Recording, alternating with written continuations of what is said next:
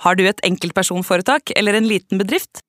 Da tenker du kanskje at regnskapet bør være så enkelt som mulig? Vi i Fiken syns også det. Derfor har vi laget regnskapsprogrammet som scorer best på brukervennlighet. Det viser en undersøkelse gjort av Opinion blant små bedrifter. Gjør som over 70 000 andre, ta regnskapet selv med Fiken. Prøv gratis på fiken.no. I ukene framover pågår ankesaken mot Jonny Vassbakk, der han igjen står tiltalt for å ha drept Birgitte Tengs. Derfor har vi åpna de fem første episodene i serien som Bjørn Olav Jahr og jeg lagde om Vassbakk og Tengs-saken i 2022. Resten av serien er tilgjengelig for abonnenter, og du finner den ved å bla deg litt nedover her på Svarttrost Dukk, eller ved å søke på Tabbene i Tengs. Ok, her er serien. Du hører Tabbene i Tengs-saken fra Svarttrost. Dette er den fjerde av ti episoder, og jeg heter Sindre Leganger. Svarttrostjournalist Bjørn Olav Jahr og jeg går gjennom etterforskninga av drapet på Birgitte Tengs, som 51 år gamle Jonny Vassbakk i dag står tiltalt for. Selv om etterforskerne hadde blitt tipsa om Vassbakk bare noen dager etter drapet, så var det en nysgjerrig sekretær som var den første til å faktisk kikke ordentlig på han. Og sekretærens rapport, forska fram og skrevet på fritida, ble det som Bjørn Olav i dag kaller det beste etterforskningsdokumentet i hele Birgitte-saken.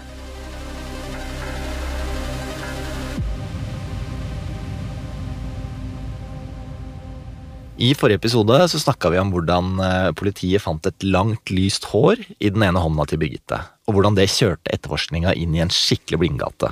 Blant annet så blei jo Jonny Vassbakk, altså han som i dag er tiltalt for, for drapet, han ble sett på som uaktuell fordi han ikke hadde langt, lyst hår. Men så dukker det opp en person som kan få saken tilbake på rett kjøl, hvis politiet er villig til å høre på henne. Og det er henne, altså en slags virkelighetens frøken detektiv, vi skal snakke om i denne episoden her. Men Bjørn Olav, før vi kommer til henne, så må vi ta en tur innom Jonny Vassbakk igjen. For i desember 1995, altså sju måneder etter drapet på Birgitte, og etter flere tips om at Vassbakk kan være en mann å kikke litt nærmere på, så blir han faktisk tatt inn til avhør av Karmøy-politiet.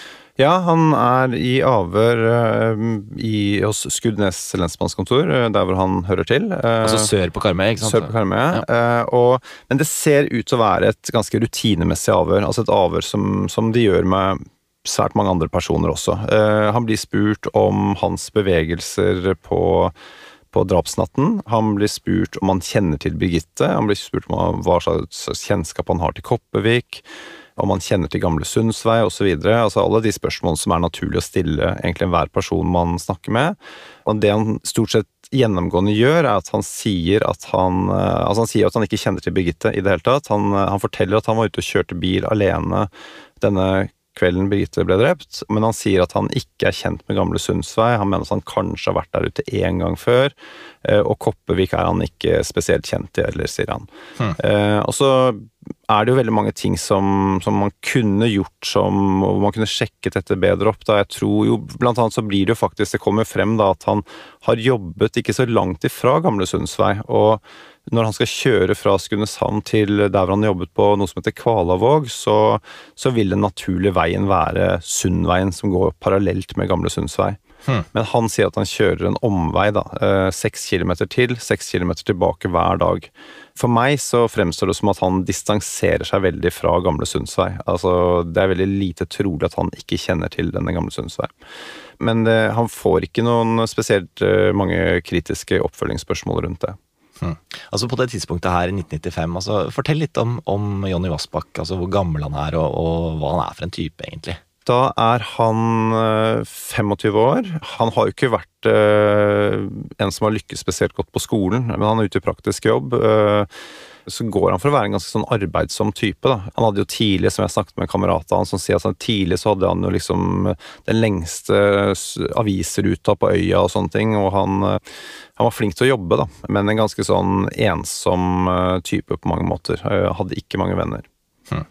Og i avhøret så sier han at eh, han hadde aldri møtt Birgitte. Mm. Han har, eh, kjenner ikke til Kopervik, selv om det er eh, den største øye, byen på øya. ikke sant? Og, ja, Den ligger to, to mil ja, nord for Skudeneshavn. da. Ikke sant? Og er, er, det ikke, Hvis jeg forstår geografien her rett, så er det liksom for å komme fra Skudeneshavn, der hvor han bor, og så opp til Haugesund, så må du på en måte kjøre Da kjører du forbi Kopervik. Rett forbi Kopervik, altså. Ja.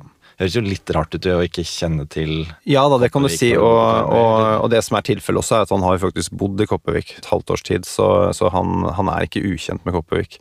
Men, men det han gjør, er at han distanserer seg veldig. Han sier også, Det er noe annet interessant han også sier i avhør, og han forteller om at han Uh, først ble kjent med Kopervik uh, noen måneder etter Birgittes drapet på Birgitte. Da begynte han å kjøre noen jenter, noen unge jenter frem og tilbake til Kopervik. mm. Men det gjør ikke politiet ingenting med, de gjør ingenting. Altså de, de avhører ikke disse jentene for å sjekke opplysningene hans opp mot eh, hva, hva de kunne sagt. da.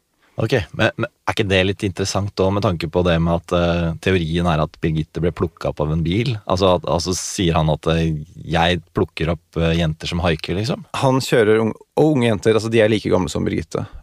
Så, så jo, det er veldig interessant. Det er, det er veldig mange ting i det avhøret her som så Det er veldig mange løse tråder, og det er veldig mye som ikke blir fulgt opp. Så det, det fremstår egentlig som bare et veldig rutinemessig avhør, og så er han ute igjen.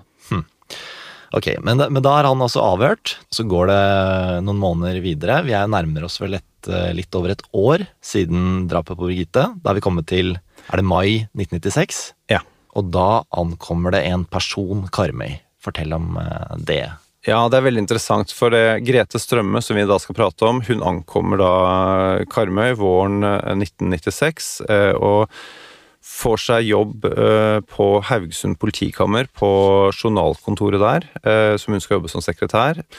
Og dette her skjer samtidig som man har besluttet å trappe ned etterforskningen av Birgitte-saken. Altså Birgitte-saken står virkelig i en stampe. Altså De finner jo ikke denne mannen med dette lange, lyse håret. Og, og de setter ikke av like mye ressurser som de gjorde tidligere. Så, så etterforskningen trappes rett og slett ned.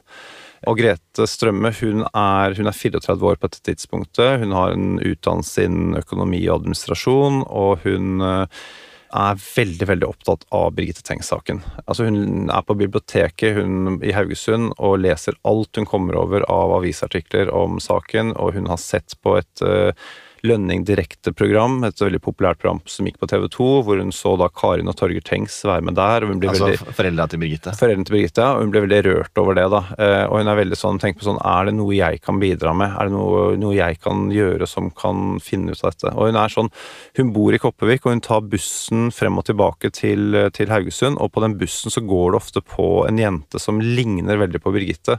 Mm. Så hun, eh, hun lever seg veldig inn i tror jeg, sorgen til foreldrene til Birgitte, da, og, og er veldig, veldig opptatt av saken.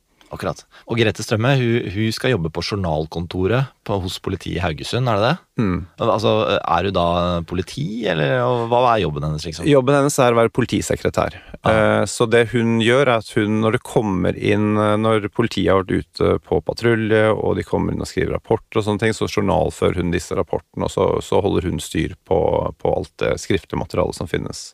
Ok. Og det er i den sammenhengen at hun tenker at uh, kanskje jeg nå kan gjøre en jobb. Uh, altså Det hun bestemmer seg for at jeg skal være ekstra på vakt, da dukker det opp noe i bunken som kommer inn på i alle andre mulige ulike saker, som kan knyttes opp mot Birgitte. Men da, da er Grete Strømme på, på politikontoret i Haugesund. Hun har et våkent blikk for saken. Hva, skjer videre? Ja, altså Det som er interessant er at Hun begynner faktisk på årsdagen etter drapet på Birgitte. 6. mai så begynner hun. Eh, 19 dager etterpå, 25. mai, så, så sitter hun og leser på en politirapport som er skrevet etter, etter helgen. Eh, og der har det vært en, eh, en hendelse som hun biter seg veldig merke i. da. Da er det en, en ung mann som har blottet seg for eh, fem forskjellige kvinner i Haugesund sentrum i løpet av eh, natta. Og politiet kommer da på sporet av ham, og de står da fremfor ham og, og snakker med han og, og vil ha ham med inn i politibilen sin. Det han da gjør, at han eh, hiver seg i sin egen bil og klampen i bånd og kjører rett mot denne politimannen som står rett fremfor ham. Så han må hoppe til siden, da. Og så hiver han politimannen seg inn i bilen, og så begynner han å kjøre etter denne mannen. Og han kjører da over Karmsundbrua, som er da den broa som forbinder Haugesund med, med Karmøy. Kjører i vill fart over den, skrur av lysene på bilen etter hvert, og politimannen sier jo at han mener at han er oppe i 110 km i timen, og han har en del forbikjøringer, og, og det, er helt, det er en vill biljakt, da. Men så etter hvert så svinger han inn til siden, og så prøver han å gjemme seg bak en busk, og så går jo politiet ut, og så kommer han frem da, og så sier han unnskyld. Unnskyld for at jeg forsøkte å kjøre deg ned. Mannen jeg prater om, er da Jonny Vassbakk.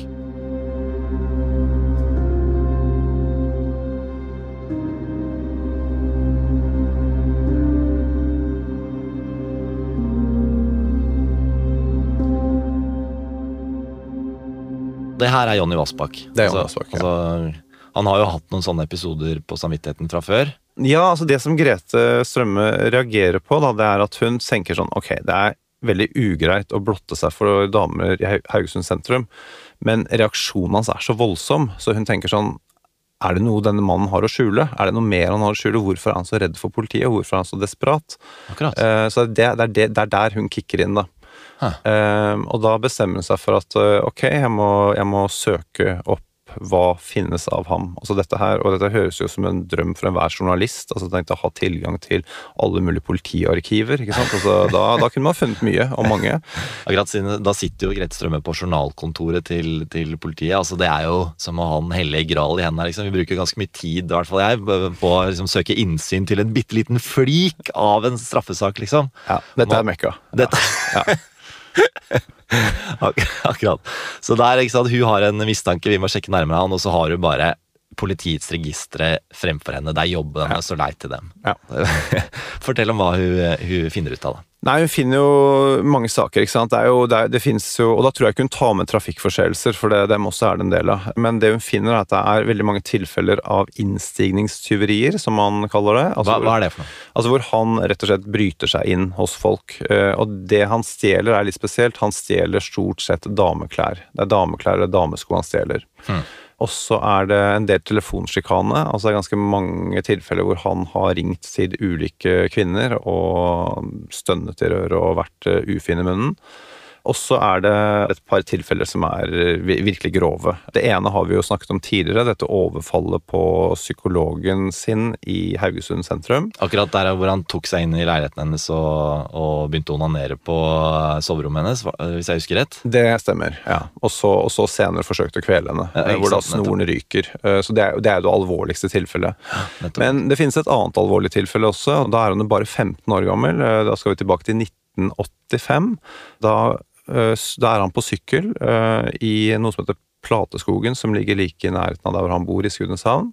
Mm -hmm. og han sykler forbi en dame, og sykler da oppover en bakke og gjemmer seg bak et tre. Hun, hun, jeg tror hun ser at han gjemmer seg bak det treet. Hun kommer gående oppover, og han hopper frem uh, idet hun er i ferd med å passere, og begynner å dælje løs på henne med en sykkelpumpe. Eh, og han slår og slår, og hun skriker, og etter hvert så, så trekker han også jakken over hodet på henne, så hun er jo også Hun også føler jo seg truet for at hun kan bli kvalt. Det er brutalt, det overfallet, altså. Og så, men så gir han seg eh, etter hvert, og så går han og finner ene skoen som hun har mistet, og så sier han unnskyld. at han beklager, han trodde at hun var en annen enn. Som om det skulle gjøre det noe særlig bedre. Eh, Så, og dette overfallet det, det, får jo, det får jo konsekvenser, fordi eh, han blir jo først så havner han i politiets søkelys. eh, det blir jo slått opp i Haugesunds Avis, uh, fulgt opp flere ganger. Og foreldrene hans får vite om det, så han, han er jo på en måte avslørt her, da. Um, Er det første gangen han er liksom i, i kontakt med politiet på den måten? Det er i hvert fall første gang jeg kjenner til at han er det. Eh, han er jo bare 15 år på dette tidspunktet. Så det her det kan Grete Strømme lese om i arkivene. Mm. Da sitter du da med en, en mann som har nylig begått noen blotteepisoder og prøvd å, å kjøre ned en politimann, og så har han en, noen angrep på kvinner Mm. eh, på samvittigheten. Ja. Ikke sant? Og det er interessant. Ikke sant? Koblingen da opp mot Birgitte. Hvorfor tenker du at dette er interessant opp mot Birgitte? Ja, fortell om det. Ja, For det første så er det jo Altså, han angriper jo kvinner når han selv er i seksuelt opphisset tilstand. Og, og han har gjort det ved, ved flere anledninger. Og han har slått, og han har kvelt. Eh, det man vet når det gjelder Birgitte, det er at hun er eh, Altså, man tror Man vet ikke nøyaktig dødsårsaken til, Birgitte, men hun er i hvert fall kvelt. Altså, noen har kvelt henne. Hun kan ha dødd av det. Men hun har også slått veldig kraftig i hodet, Birgitte. Så dette stemmer, ikke sant. Altså, han har både slått, og han har kvelt. To ting som Birgitte er blitt utsatt for. Altså, øh, Hun ser at Vassbakk kan ha modus, da. Det, det som vi har snakka om tidligere, at han kan være i stand til å ha gjort den handlingen. Helt klart. Hva, hva gjør øh, Grete videre? Hun tar ikke affære umiddelbart, hun, eh, men hun, eh, hun, er jo veldig opptatt av denne mannen, og hun bestemmer seg for å følge rettssaken hans. Da, for blir jo, han, blir jo, han, blir jo, tiltalt for disse blottingene i Haugesund, og det er vel en del andre ting også. Hmm. Bare det her med å følge en sak i retten, altså, hvordan, hvordan, funker det egentlig konkret? Er det sånn, kan Grete Strømme bare gå inn og følge den straffesaken? Liksom? Ja, hun går inn og følger den, og jeg tror hun er den eneste. Men, men bare sånn praktisk, altså, hvordan har du tid til det, holdt jeg på å si, når hun måtte jobbe på altså Rettssaker går gjerne på dagtid, og hun har jo en jobb på Ja, det kan, det kan spørre om. Hun er fortsatt ansatt hos politiet da, ja. Så, så, det er vel Nei, hun har vel tatt seg fri noen dager, da, mm. vil jeg tro.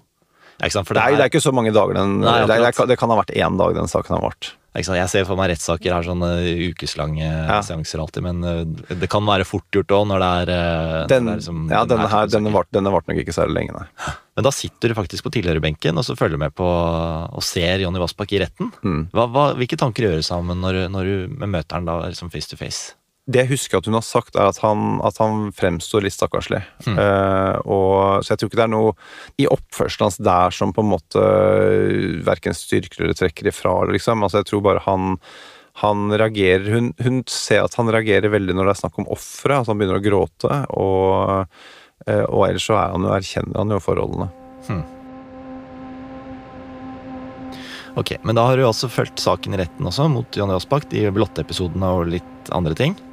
Hva, hva, hva, gjør Grete videre? Ja, så I begynnelsen av september så tar hun da motet til seg. Da, for hun har jo hun har jo veldig respekt for, for etterforskere. Uh, altså Det er hennes store drøm å være etterforsker selv også. og Hun vet ikke helt hvordan hun skal håndtere alt det hun sitter med, men hun tenker at det må jo på en måte varsles videre på et eller annet vis. Da.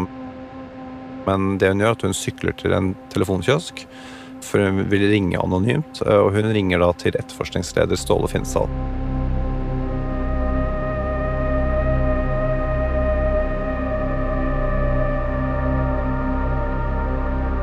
Hør mer etter pausen.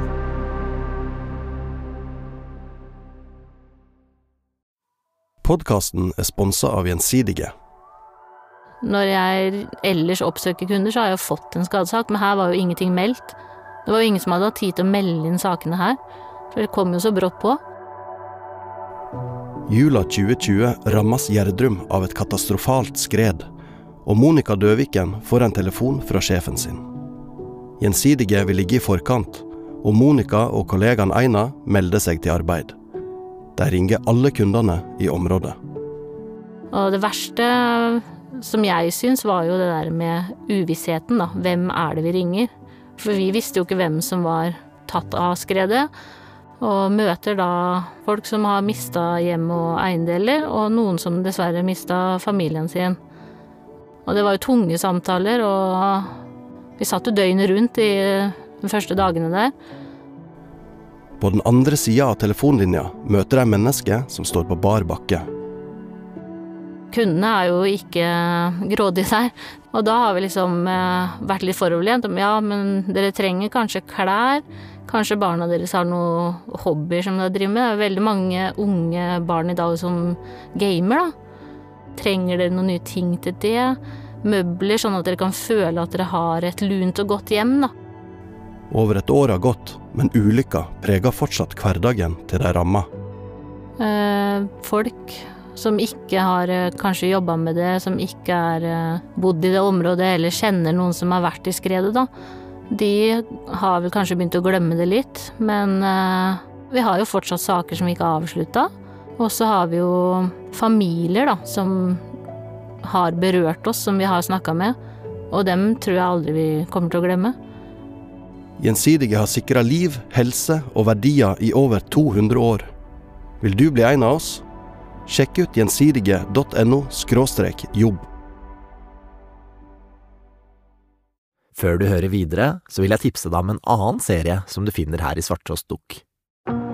I 2016 dukker det opp en kvinne i Arendal hun forteller at hun er kirurg og vil gjøre alt hun kan for å hjelpe. Jeg fikk jo da snapper daglig av henne på sykehus, i legefrakk. Men noe skurrer. For hvem er hun egentlig? Men har du hørt om lurelegen? Det er noen som bruker ufattelig mange timer bare for å gjøre livet vårt surt. I årevis har hun lurt menneskene rundt seg. For penger, for dyr, og nå som lege. Jeg lå i fosterstilling i mange kvelder. Jeg blir litt sånn mindfucked. er det egentlig synd i henne, eller er det synd i oss? Men så bestemmer ofrene seg for å kjempe imot. Det ble oppretta flere Facebook-sider, og folk begynte jo å samarbeide. Vi åpnet et vepsebol av helt absurde ting. Hva, hva er dette her? Hør Operasjon Charlie i Svarttrostbukk.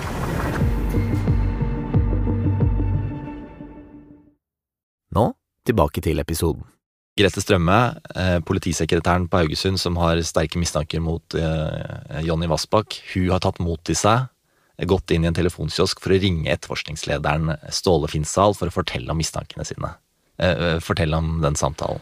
Hun opplever jo da at Ståle Finnsdal er både imøtekommende og vennlig, og, og at han virker interessert. Og han forteller også henne at, at Jonny Vassbakk kjørte rundt på Karmøy denne drapsnatten uten at noen kan bekrefte det. Altså Med andre ord at han ikke har noe alibi. Hmm. ja, Det forteller han på telefon til Grete Strømme? Ja, det gjør han, ja. Jøss, Er ikke det litt rart at en politimann liksom sier det til en, en tipser som ringer inn? Ja, det kan du si, men jeg lurer på om etter hvert at han stiller litt spørsmål om hvem hun er. Han tror hun, jeg tror Kanskje han tror hun er en psykiatrisk sykepleier eller noe sånt først. Mm -hmm. Men så, så, skjønner han etter hvert at hun jobber i politiet, og da jo, forteller hun også at hun gjør det. Mm. Så da tenker jeg at da snakker vi liksom politi til politi, da. Mm. Det høres ut som han på en måte veit hvem Vassbakk er allerede da, og har han på radaren sin. Da. Og det sier vel også notatene hans som vi snakka om tidligere, at han hadde liksom notert at det kan ha modus, men er i fengsel eller soner. Ja. Så, så, bare det at når han blir ringt opp sånn ut av det blå og har Vassbakk liksom i bevisstheten, tyder jo på at han er han har vært en kar som, som Ståle Finsdal har på radaren sin, liksom. Ja, det bør han jo ha. Han er jo den som kan saken best fra politiets side. Akkurat. Det som sitter med størst oversikt, og det er klart at Han har jo selv sittet og lest dette tipset fra psykologen som kom inn bare fire dager etter drapet på Birgitte. Og det er ikke Jeg har jo selv sett alle tipsene i saken. Det er jo veldig få tips som er av denne kaliberen. Eh, altså, dette er, jo, dette er jo et svært godt tips. Hm. Men Grete får da eh, altså, hva, hva, blir resultatet av samtalen med Finnsdal? Jeg tror resultatet av samtalen er at, er at, han, at Ståle Finnsdal sier at hun kan snakke med kollegaen hans Bjarne Skådel, som har tatt avhør av Jonny Vassbakk, mm -hmm. eller at hun kan snakke med sin nærmeste overordnede på politikammeret. For det som skjer, er at Grete Strømme går til sin avdelingssjef, som sier at eh, det høres ut som du har en del på hjertet her, jeg syns du skal notere ned det du ønsker å formidle. Akkurat. Men uh, jeg, jeg, vil tvile på at de tror at noen tenker at hun skal ta oppgaven så alvorlig som hun gjør. Okay. Uh, fordi hun setter seg jo ned og bruker et par uker nå på å skrive en rapport som er på 22 sider. Hmm. Uh, og jeg vil jo si at det er det beste dokumentet som er produsert i saken. Altså Jeg har lest alle dokumentene i Birgitte Tengs-saken, og dette dokumentet er fenomenalt bra, vil jeg si. altså. Yes. Og det hun ønsker først og fremst med denne rapporten, det er jo en samtale med politiet. altså Hun ønsker å bli tatt inn. da, altså sånn Få satt seg ned rundt et bord og snakket med etterforskerne og, og presentert sine teorier. Ja, det høres ut som et helt rimelig ønske. Er ikke det helt vanlig for en tipser på en måte å bli tatt inn til eh? Jo, det er mange tipsere som blir tatt inn til avhør. Og dette er jo en rapport som er, som er oppsiktsvekkende uh, og, og, interessant. Så, så jeg syns ikke hun er spesielt uh, ubeskjeden når hun ønsker å bli tatt inn til en samtale. Hm. Denne 22 sider lange rapporten, fortell om hva som er Gretes hypotese, teori, altså det som hun, hun spiller opp her som Altså, hun ser jo for seg at, eh, at Jonny Aasbakk har eh, ankommet Kopervik. Birgitte har haiket, satt seg inn i bilen hans, de har kjørt til Gamle Sundseid sammen. Eller hun ser for seg at Birgitte kan ha gått langs veien, og at han har plukket henne opp. da, Eller at han har stått og ventet på henne. For det ser hun også i, i forbindelse med noen av de andre blottesakene, f.eks. Så har Jonny Aasbakk noen ganger så har han kjørt forbi jenter, og så har han stått og ventet på dem. Og det vet man også med dette overfallet på hun eh, med sykkelpumpen. Der også passerte han jo det henne og sto og ventet på henne. Så hun ser for seg at det er noe han kan ha gjort her også, da. Hun har jo også noen teorier som, som, som jeg syns er veldig interessante. Da. Blant annet så viser det seg at uh, på årsdagen etter at Birgitte ble, ble drept, så gjennomfører Jonny Aasbakk en veldig aggressiv blotting på Risøybroa i Haugesund. Hvor han, uh, hvor han først er liksom tett på en jente, han passerer henne, og, og så sitter han og onanerer mens hun går forbi, og så, og så, begynner han å løpe etter henne og ta på henne, og, og er veldig opptatt av at hun skal onanere ham, osv. Og, mm. og, og det, liksom, dette er en veldig sånn blotting som, som denne kvinnen får Altså som hun syns er svært, svært ubehagelig. Ja, Er det blotting da, eller er det et overfall, liksom? Ja, Det begrenser seg. Det, altså, det, det vil jo være litt, litt mer enn et, uh, en blotting. Jeg er enig i det. Og da, da har Grete en teori om at liksom, er dette et slags rop om hjelp, på en måte? Altså sånn der, Har han en utfordring med å skulle tilstå? Altså veldig mange Hun leser litteratur, ikke sant? finner at det finnes litteratur hvor man har intervjuet andre drapsmenn som forteller det at de skulle så gjerne ønske å tilstå, men det de sitter så langt inne, så kanskje man skal få en anledning til det. Så kanskje han er ute og markerer. Så det er sånn typisk sånn teori man kaster ut, eller en hypotese, eller en spekulasjon, eller kanskje noen kaller det, ikke sant. Men den er jo interessant allikevel å, å forfølge litt, da. Mm. Um, særlig når man ser historikken hans, da. Mm. Ok, men da har Gredstrøm skrevet en 22 sider lang rapport. Mm. Hva gjør du med det dokumentet? Altså Hun leverer det da til sin nærmeste overordnede, og hun sender det til etterforskningsleder Ståle Finnsal. Akkurat. Og hva skjer videre? Eh, det vet vi ikke, eh, og det vet heller ikke Grete Strømme, for hun hører ingenting. Ingenting? Ingenting. Huh.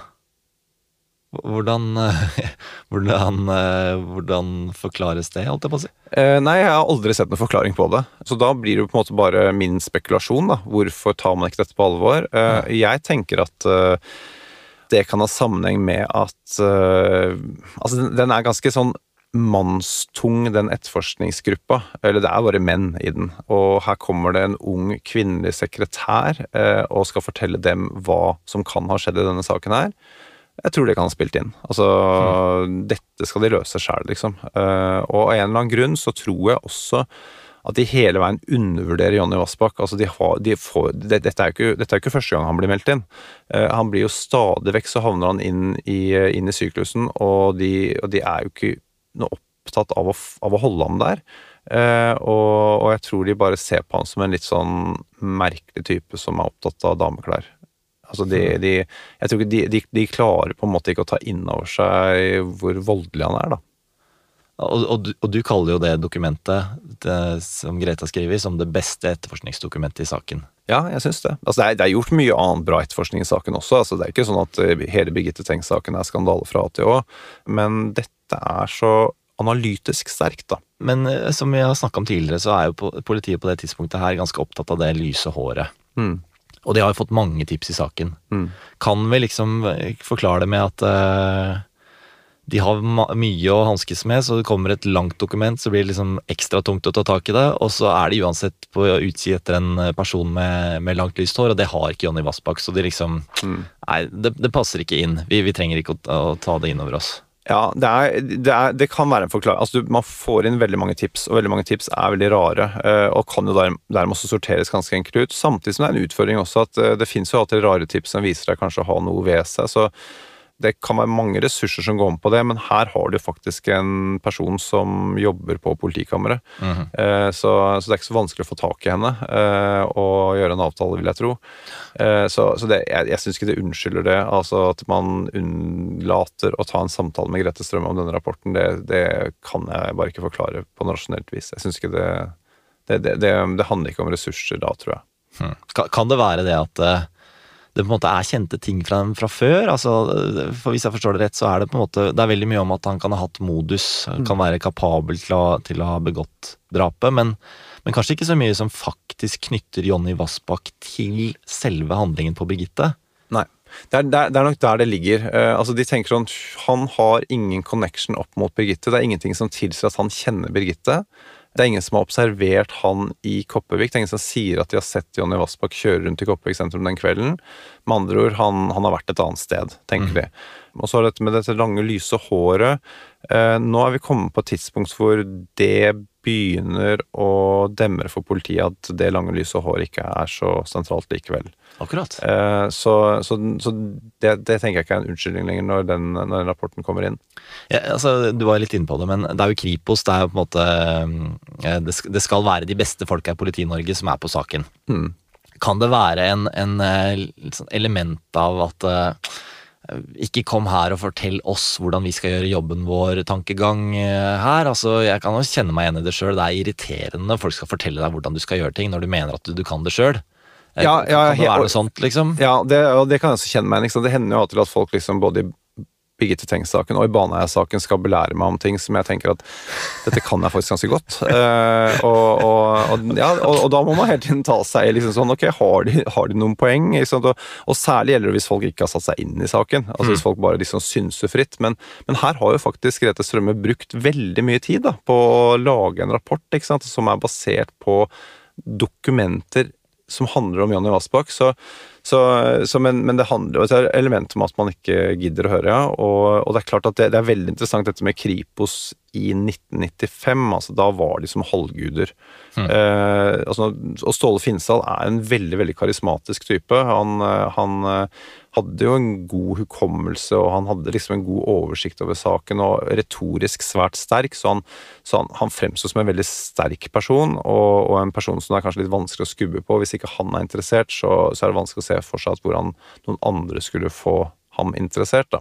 Eh, altså, når Kripos kom til byen, altså, det, var liksom sånn, det er liksom som FBI, på en måte, med sånn strå i kjeften og liksom sånn der løser saken. og og, liksom, så er det en del lokale lensmenn der sant, som aldri har jobba med en drapssak. De syns jo disse gutta fra Kripos liksom, de kan sakene sine. ikke sant? Uh, og, og, de syns det er gøy å få være med dem og sånne ting. Så, så er Kripos som på en måte styrer hele etterforskningen her. altså. Det er ingen tvil om. Akkurat. Og det er jo noe av det som gjør at, at Grete Strømme nok altså, Hun også sitter med den respekten. Det er jo derfor hun også er så nervøs før hun skal ringe til Ståle Finnsal. Og derfor hun også blir ganske glad når han er imøtekommende. ikke sant? Og sånn, Oi, ikke sant, her er en, en fyr Jeg har virkelig respekt for en fyr med mye autoritet som tar imot liksom samtalen min med ja, relativt åpne armer. da. Og så viser det seg at uh, han ikke var interessert likevel, da, da rapporten kom. Ja, altså Fortell hva som skjer med Grete Strømme og etterforskninga hennes videre. Eh, nei, altså, Etter at hun har levert den rapporten, så mm, Ja, hun gir seg jo ikke helt. Eh, det, det skal hun ha. Hun er jo stadig vekk ute på Gamle Sundsvei der ikke sant? og sykler frem og tilbake på denne grusveien og, og oppsøker da åstedet. Og, og, og ser jo da denne minnesteinen til Birgitte, den liten bamsen som ligger der. og en stund etter det igjen så oppsøker hun da eh, lensmannsbetjent uh, Reidar Gaupås på Avaldsnes lensmannskontor, som ligger på Kopervik, okay. for at hun vil liksom prate med han om, om Jonny Vassbakk. Og, og, han også slår jo opp på dette avhøret av Jonny Vassbakk som var tatt i desember 1995, og sier til Grete at dette er for dårlig. Altså det første avhøret av Jonny Vassbakk i Birgitte-saken, det som vi snakka om i starten? Ikke sant? Ja. Mm. Det første, og det eneste på dette tidspunktet. Eh, og han slår opp det og må si at dette er for dårlig, han må, han må avhøres på nytt. Eh, så, så, det får hun støtte for. Men så, så sier han til henne at liksom, men, men, nå skal jeg vise deg noe skikkelig interessant. De har da På, på lensmannskontoret der så har de da en sånn svær, sånn, svær sånn kart over hele Kopervik og omegn. Hvor de har tastet inn i forskjellige farger, tegnestifter, liksom, gående, kjørende osv. Og, så mm -hmm. og så går han bort til dem, og så, liksom, så tar han liksom tak i en tegnestift og så liksom, som hører til de Sundveien, som, ligger, eh, som er parallellveien til de gamle Sundsvei, og sier han her dette er interessant, her skjedde noe interessant drapsnatten. Her var det et akebrett som falt ned i en garasje. Akkurat. Og, og hvilket hus er det den tegnstiften står på? Det er Birgittes fetters sitt hus.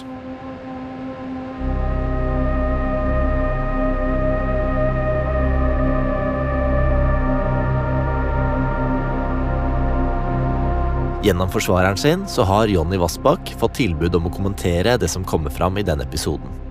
Det ønsker han ikke, og forsvareren Stian Trones Bråstein sier at Vassbakk nekter enhver befatning med drapet på Birgitte Tengs, og ser fram til å få saken belyst i rettssalen. Daværende etterforskningsleder Ståle Finsal sier at grunnen til at rapporten til Grete Strømme ikke ble besvart, er at det ikke var naturlig å svare på den, siden politiet ikke ga ut opplysninger om saken til folk som ikke hadde noe med etterforskninga å gjøre. Finnsal sier at politiet fikk over 1500 tips i Birgitte-saken, og at det ikke var mulig å ta inn alle tipserne til samtale. Bjarne Skådel, som gjorde det første avhøret med Vassbakk, ønsker ikke å bidra.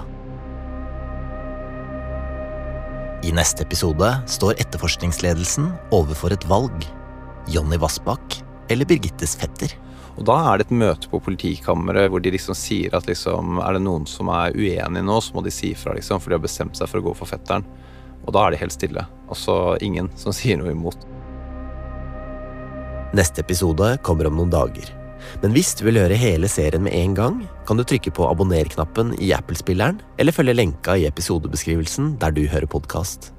Da er du samtidig med å støtte alle oss her på Svarttrost, sånn at vi kan lage flere dokumentarserier. Følg oss gjerne på Facebook og Instagram, der oppdaterer vi alltid om nye serier som kommer. Du finner oss ved å søke på Svarttrost Produksjoner. Tabbene i Tenk-saken er laga av Bjørn Olav Jahr og meg, Sindre Leganger, i 2022. Sluttmiks ved Nils Jakob Langvik, og redaktør er Kari Hesthamar. Opplysningene i serien baserer seg på dokumentene i Birgitte-saken, boka Hvem drepte Birgitte Tengs av Bjørn Olav Jahr, og pressedekningen til Aftenposten, VG, Dagbladet, Haugesunds Avis, Stavanger Aftenblad, Bergens Tidende, NTB, NRK, TV 2 og TV Haugaland.